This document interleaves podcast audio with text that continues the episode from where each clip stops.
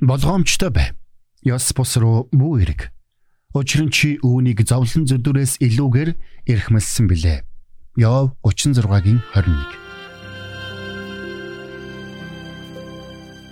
Мэргэний сонсог мэдлэгэд хэлэг. Ухаалаг нь мэрэгэн өдрөмжийг мөн авг. Доктор Харалт цаалогийн мэрэгэн зөвлөмж нэвтрүүлэг.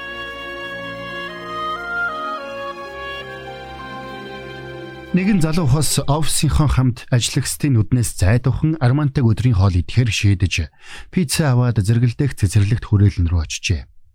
Ингээд тэднийг пиццаныхаа хайрцгийг нээтэл пиццаны хайрцаг дотроос пиццанаас гадна рестораны менежерийн хадгалчихсан байсан дугтуутай мөнгө гарч иржээ. Тэд ч хулгайн хэрэгт сэрдэгдэхээс айж тухайн мөнгийг бушуухан аваачиж өгсөн байна. Харин үүнийг харсан рестораны эзэн тэдний шудраг занд ихэд баярлжээ. Тэгээд Би телевизийн мэдээний ихнийг дуудаад энэ тухай сурвалжлага бэлдүүлье. Ийм үнэн чудраг хүмүүстэй таарсандаа би маш их баяртай байна гэж хэлж гин. Гэтэл үүнийг сонссон хосуудын царай хувхаа зааж. Мэдхий тийм зүйл хийгээрэй. Бид хоёр тус тустай гэр бүлтэй хүмүүс. Тийм болохоор сонин дээр зураг гаргамааргүй байна гэж хэлсэн гэдэг. Бараг л шудраг хүн гэж байдаггүй хэмээн Чак Свиндол хэлсэн байдаг. Өөрөөр хэлбэл та нэг бол шудраг байна нэг бол шудраг бус байна гэсэн үг.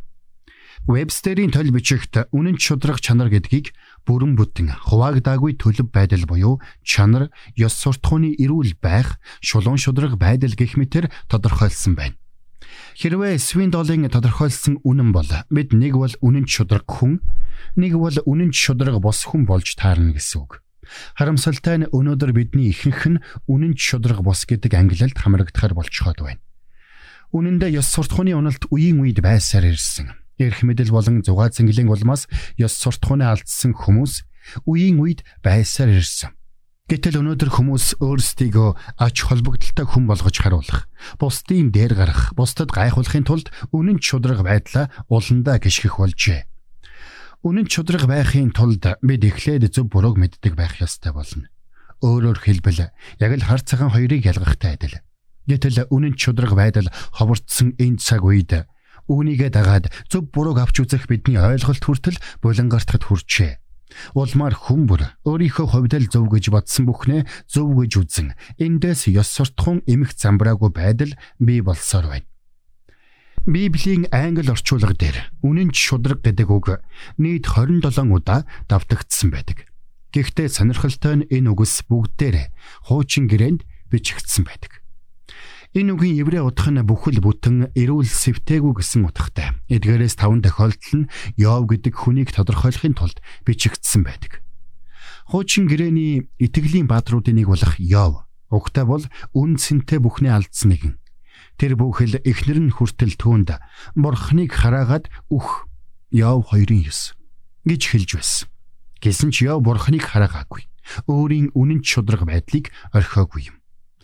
Нэрт илгээлтийн эзэн Дон Ричардсон нэг номдоо шин гівнэн нэгэн омгийн тухай өгүүлсэн байдаг. Тэр омгийнхан сайн мэдээг сонсоод Есүсийг биш, Иудасыг хамгийн мундаг баатар гэж үзсэн байна. Учир нь тэдний нийгэм соёлд хамгийн сайн худлаа ярьж бусдыг мэхэлдэг хүн хамгийн мундагт тооцогддог байжээ. Заримдаа бидний амьдарч буй нийгэм улам бүр ийм болж ховроод байх шиг надад санагддаг. Өнөөдөр бид худлаа ярихгүйгээр бизнест амжилт гаргаж чадахгүй. Худлаа ярихгүй бол улс төрд хол явж чадахгүй гих мэтэр үзэх болж. Баригдахгүй л бол хуурч мэхэлж болно гэж итгэх хүн ч олон болжээ.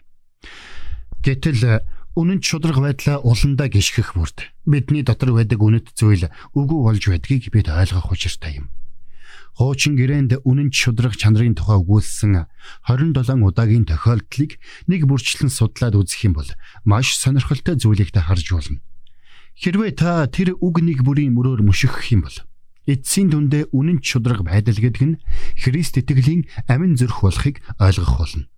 Үнэн шудраг байдал гэдэг нь бидэнд 10 хуулийг өгсөн. Библийн сүнслэг зарчмуудыг өгсөн тэр бурхан биднээс одоо ч хэлсэн үгээ биелүүлдэг амлсан амлалтаа хүрдэг байхыг хүссээр байгаагийн илэрхийлэлүүлээ.